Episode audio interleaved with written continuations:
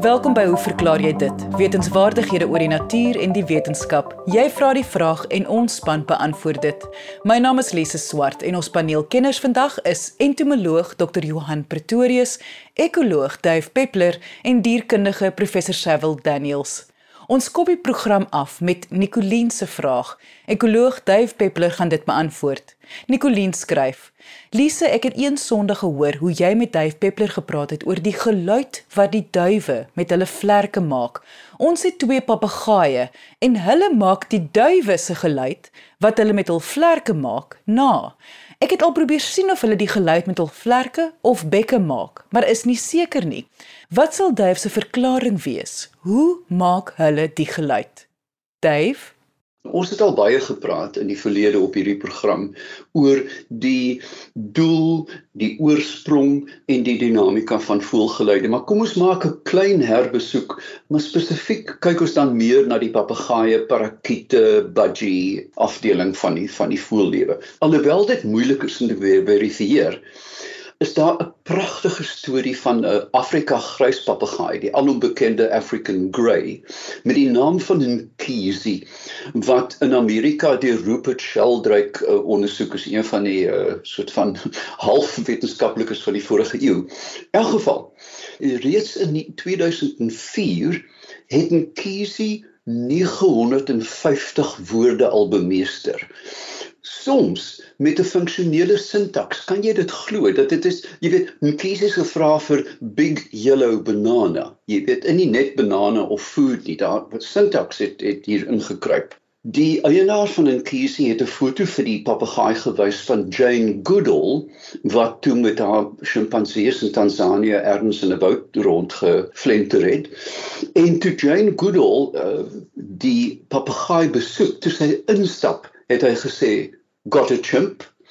So hier is verstommende goed aan die gang met uh, wat ons dalk as intelligensie sien in 'n in 'n mate is dit seker, maar die hele diereryk is deurspek van nabootsers. Van die Jan Frederik wat soggens eh, 'n uh, motor se alarm probeer namaak met dagbreek tot ons alombekende papegaaie en budgies. Maar die belangrike vraag is is hier logika aan die werk. Eindelik wat ons vra is wat verstaan hulle van hulle omgewing wat die Duitsers noem hulle omweld.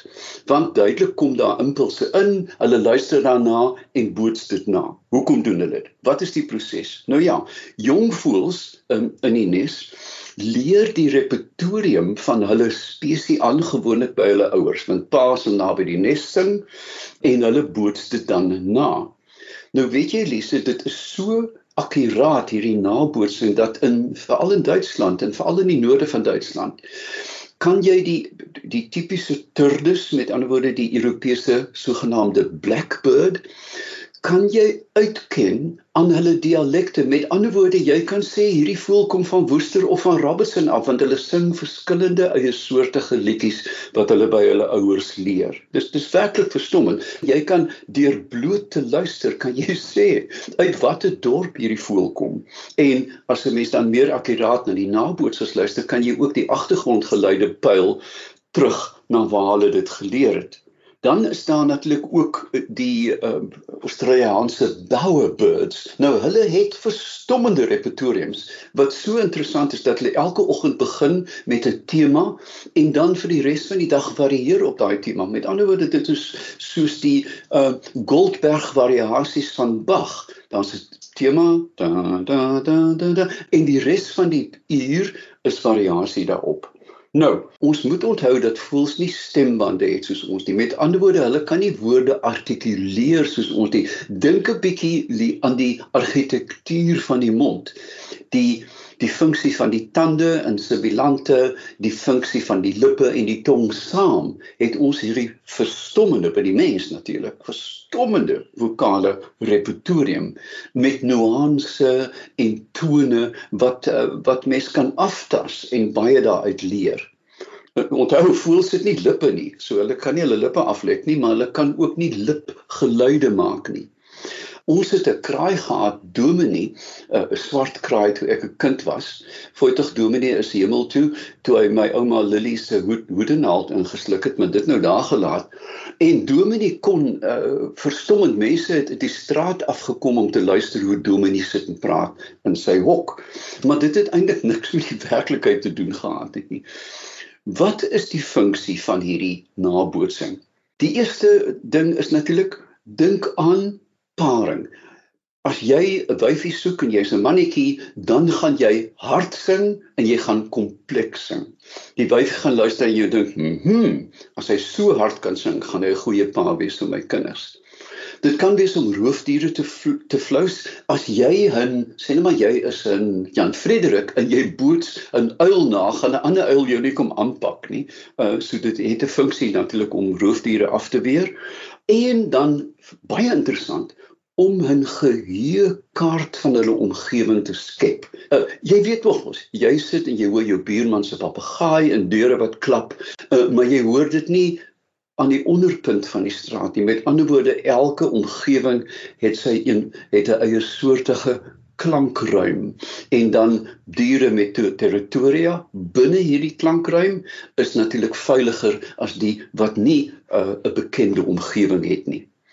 Daar is heelwat van die voëls wat soos uh, uh Nicoline reg sê met die vlerke 'n klapgeluid maak. En vir my die mooiste is die sogenaamde vlei merrie die snip Nou, ek het jare gelede op die Gifberg het um, het 'n boer my gebel en gesê daar's 'n vlei merrie en sy werkers weier om naby die vlei te gaan. Ek het die hele pad soontoe gery en teen skemer het ons gestaan en skielik was daar die van die vlei merrie. Almal het gegil in die bosse ingehardloop en ek moes ek moes terugry met die eenvoudige boodskap dit is 'n snip wat 150 gram weeg. Dit is nie 'n merrie nie. Dan vir my van die mooiste, van die mees hartroerende roepe in Afrika is die dagbrekertjie, um die Engelse clapperlark. As jy lê in jou kooi op 'n Karoo 'n plaas en net voor dagbreek hoor jy dan roep die dagbrekertjie. Die dagbrekertjie sê nie dit is die dag nie word wakker nie. Hy sê hier woon ek, dit is my plek.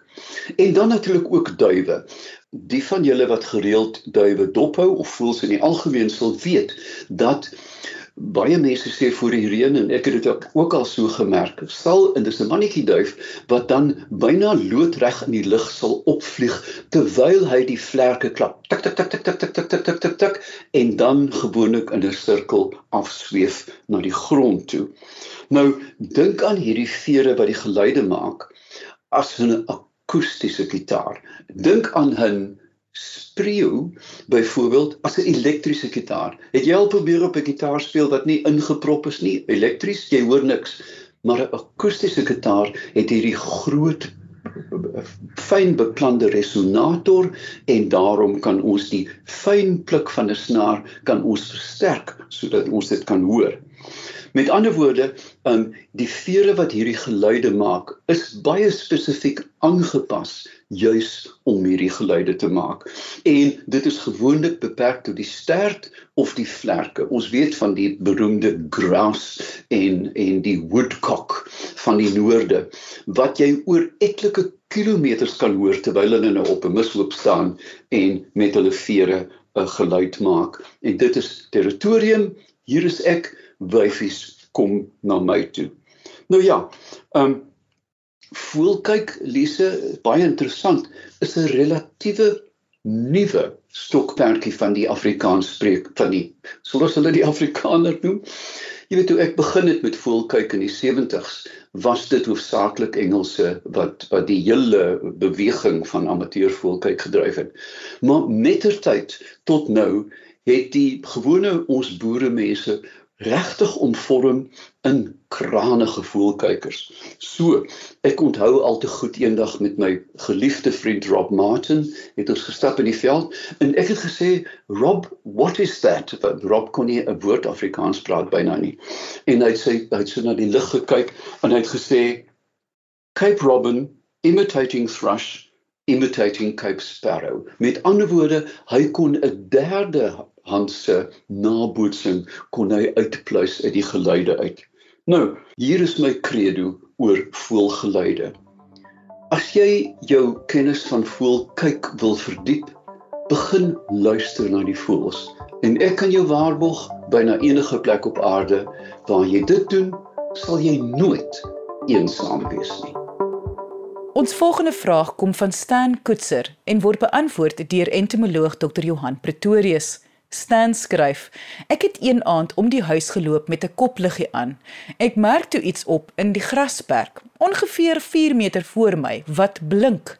Dit was soos 3 klein liggies wat flikker, baie helder, meer as wat ek sou verwag van 'n stukkie splinterglas of spieël.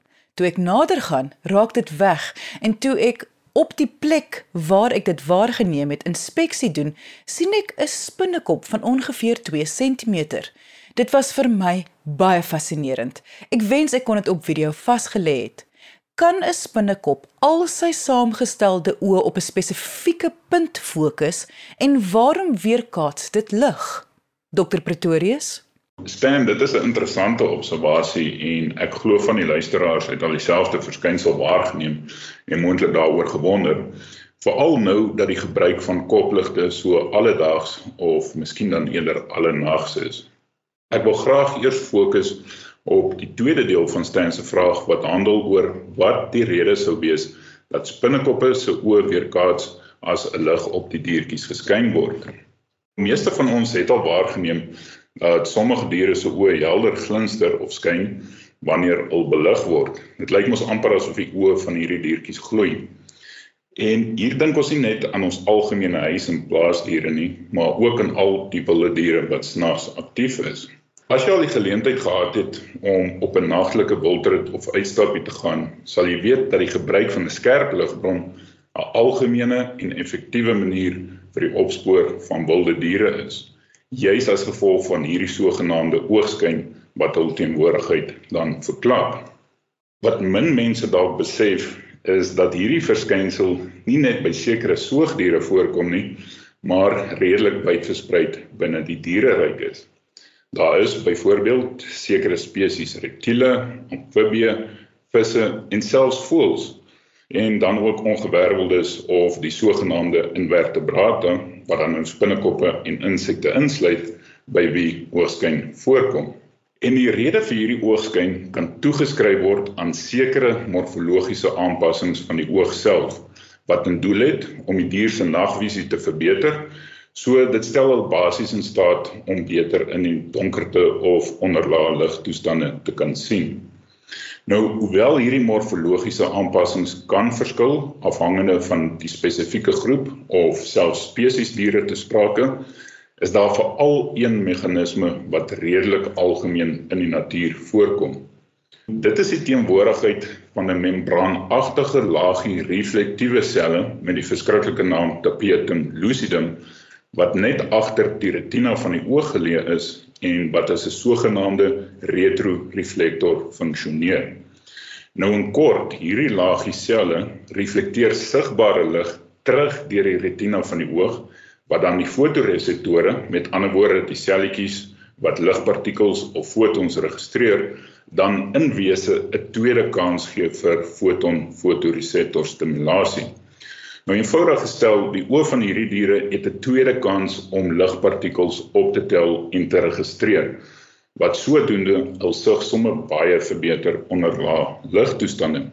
Nou, mens kan amper hierdie laagieselle vergelyk met 'n spieël aan die agterkant van die oog wat sigbare lig vanaf 'n flits of 'n koplig byvoorbeeld terugweerkaats in die rigting van oorsprong. Hierdie oogskyn is dus 'n visuele effek wat ons waarneem as ons lig op hierdie diere skyn. Verbeterde nagvisie is natuurlik tot groot voordeel vir diere wat in lae ligtoestande aktief is. Dit laat jou toe, byvoorbeeld om tydens donker te jag of om predatore meer effektief te vermy. So as ek kyk na die beskrywing wat Stan oor sy ervaring gee, kan ek met 'n groot mate van sekerheid sê dat die spinnekop wat hy waargeneem het, heel waarskynlik een van die sogenaamde wolfspinnekoppe is. Nou net vir interessantheid, wolspinnekoppe is 'n diverse groep spinnekoppe met nagenoeg 2800 beskryfde spesies wêreldwyd, kan jy glo, wat almal tot die familie Lycosidae behoort. Nou hierdie klein tot medium groot spinnekoppe het 'n aantal verskillende lewenstyle en gedrag, maar baie spesies is aktiewe gronddwalende jagters wat staatmaak op hul spoed en sig om hul prooi in te hardloop en te vang. Vandaar dan die algemene naam wolspinnekop. Nou aansien heelwat wolspinnekoppe hierdie lewenstyl volg, gekoppel daaraan dat baie spesies gedurende die nag of skemer en vroegoggend aktief is, is goeie sig in die algemeen maar veral goeie nagvisie nie juis onderhandelbaar nie. Ek moet net daarop wys dat meeste spinnekoppe oor swak sig beskik en eerder op tas, smaak en vibrasie staat maak om hul prooi te vang en predatore te vermy. Maar omdat wolspinnekoppe op hul sig staat maak om te jag en nie webbe spin om prooi te vang soos baie ander spinnekopsoorte nie en wat dus nie op goeie sig aangewese is nie, het wolspinnekoppe van die beste visuele vermoëns van alle spinnekoppe. Hulle is dan ook een van slegs 'n handvol spinnekop families wat oor goeie oogsig beskik. So dit is dis dan nie te verbasend dat hulle ook oor 'n laagie reflektiewe selle in die oë beskik wat verklaar hoekom hul oë so blink in 'n koplig se ligstraal. Netterloops, die plasing van 'n koplig direk bokant ons eie oë is ideaal om die skyn van hierdie klein diertjies se oë vir onsself sigbaar te maak. Nou die rangskikking van spinnekop oë is 'n baie handige manier om die spinnekop families uit te ken en wolspinnekoppe soos meeste ander spinnekoppe dan het 8 oë. Nou by hierdie spinnekoppe is die oë egter in 3 rye gerangskik. Met die eerste ry bestaande uit 4 kleiner oë, die sogenaamde anterior oë, die tweede ry met twee groot oë, die posterior mediane oë en die derde ry ook met twee groot oë wat bekend staan as die posterior laterale oë en wat na die kante toe wys of kyk soos die naam lateraal dan aandui. Die ooggloed wat ons by wolspinnekoppe waarneem is meestal afkomstig vanaf die twee groot oë in die middelste ry. En die kleur van hierdie spinnekoppe se ooggloed kan ek amper beskryf as 'n silwer tot elektriese blou kleur en dit lyk inderdaad soos glinsterende diamantjies op die grond. Dit bring my dan by die eerste deel van Stan se vraag waar hy wil weet of 'n spinnekop al sy saamgestelde oë op een punt kan fokus. En die kort antwoord is 'n ja en 'n nee, want weer eens hang dit af van die soort of tipe spinnekop ter sprake. Ons sou dus aanneem dat spinnekoppe met swak sig, wat dan meeste spinnekoppe insluit, nie in staat sal wees om hul oë so goed te kan fokus op 'n spesifieke punt nie. Netterloops, spinnekoppe anders as insekte het nie saamgestelde oë nie, maar wel enkelvoudige oë aangesien elk van die individuele oë sy eie lens besit. Staan ek 'n bietjie van oplees en dit wil wel voorkom of daar by van die spinnekop families wat oor goeie oogsig beskik, sekere spesies of groepe is wat kan fokus op 'n spesifieke punt of voorwerp. By wolspinnekoppe spesifiek speel die twee paar grootte oë 'n rol in lang afstand prooi opsporing terwyl die vier kleiner oë of die anterior oë dan gebruik word om afstand te skat sodra die spinnekop binne tref afstand van sy of haar prooi is. So net om af te sluit, mens kan nog 'n goeie idee kry van die magdom grondwalende spinnekoppe wat snags aktief is deur met 'n koplig uit te gaan en oor 'n grasperk of operige area te lig. Nadat ek Stan se vraag ontvang het, het ek self weer 'n bietjie saans buitentoe gaan om te sien hoeveel spinnekop oogies ek kon waarneem vanaf 'n enkele vaste posisie met 'n koplig. En te danke aan die milde reëns wat ons in die Vrystaat gekry het gedurende die afgelope tyd en die gunstige warmweerstoestande saans, was dit nogal heel verblywend om sommer 'n hele aantal spinnekop gesiggies te sien terugstaar. Die interessantheid van hierdie spinnekoppe kon ek selfs oor 'n afstand van meer as 25 meter duidelik waarneem te danke aan hul oogskyn. Nou Lisa kan raai dat baie mense seker gril tot in 'n klein toontjie vir hierdie stelling en daarmee hoop ek nou nie ek dryf 'n paar mense tot 'n binneshuise bestaan gewapen met 'n arsenaal kannetjies insekdoder nie want die meeste spinnekoppe en wolspinnekoppe ingesluit is absoluut skadeloos vir die mens. Inteendeel, Die dienste wat hulle lewer ten opsigte van die biologiese beheer van skadelike en lastige pla is regtig merkwaardig. En dan is dit nog boonop verniet ook. So, Stan, ek hoop dit werp 'n bietjie lig op jou agpotige vraag en dankie vir deel van jou wonderlike ervaring. En dit was entomoloog Dr. Johan Pretorius. Jy luister na Hoe verklaar jy dit op RSG? Ons skitsvraag van die dag word beantwoord deur dierkundige professor Sywil Daniels. Die vraag kom van Karel van der Merwe. Hy skryf: My vraag spruit uit 'n probleem wat ek met sekere wetgewers het. As jy 'n stoetboer van enige lewende dier is, gaan jy selektief te werk met die teeling. Die grootste en mooiste word gebruik vir toekomstige teeling om sodoende jou teelstoet te vergroot en te versterk. Korrek? Indien nie, waarom word ons verplig met kreefoeste om net die grootstes en sterktes te vang? Ons word mos nou verplig om selektiewe teeling toe te pas wat die toekomstige nageslag kleiner en swakker gaan maak. Professor Daniels? Eh, Karel, ek dink uit die staanspoor is dit belangrik om te onthou dat wanneer uh, 'n mens diere byvoorbeeld in 'n kudde het of wanneer jy byvoorbeeld nou op die plaas is en jy gaan 'n spesifieke bil neem om te teel met 'n ander um ooi, moet 'n mens onthou dat dit gewoonlik plaasvind in 'n domestikasie agtergrond wat mense gewoonlik doen is hulle selekteer kunsmatig die diere wat hulle met mekaar wil laat paar en in 'n in 'n boerdery konteks gaan dit gewoonlik oor die grootte van die dier, die voorkoms van die dier. As dit byvoorbeeld 'n melkkoe is, hoeveel melk kan die dier produseer en so voort. So met spesifieke betrekking tot krewe die idee dat groot diere of wat dan nou uit 'n biologiese perspektief uit seksueel volwasse is uit die bevolking verwyder kan word, um, is die idee dat die diere reeds sou kon voortplant.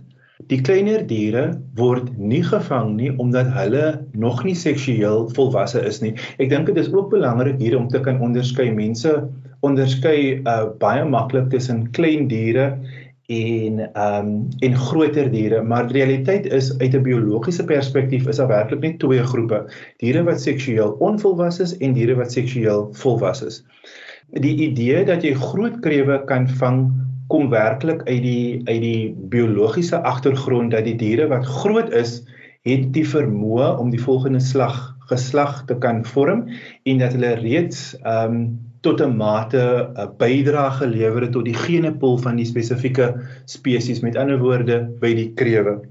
'n Mens moet nou ook onthou dat gewoonlik by krewe wanneer 'n mens 'n wyfie kreef vang, veral 'n wyfie kreef wat eiers in die abdominale gedeelte het wat gewoonlik vasgemaak is met 'n slijmagtige tipe sement aan die abdominale area of die stert, sê die wet wanneer die wyfie dragtig is of wanneer sy eiers op die abdominale area of op die stert het, moet die wyfie teruggegooi word.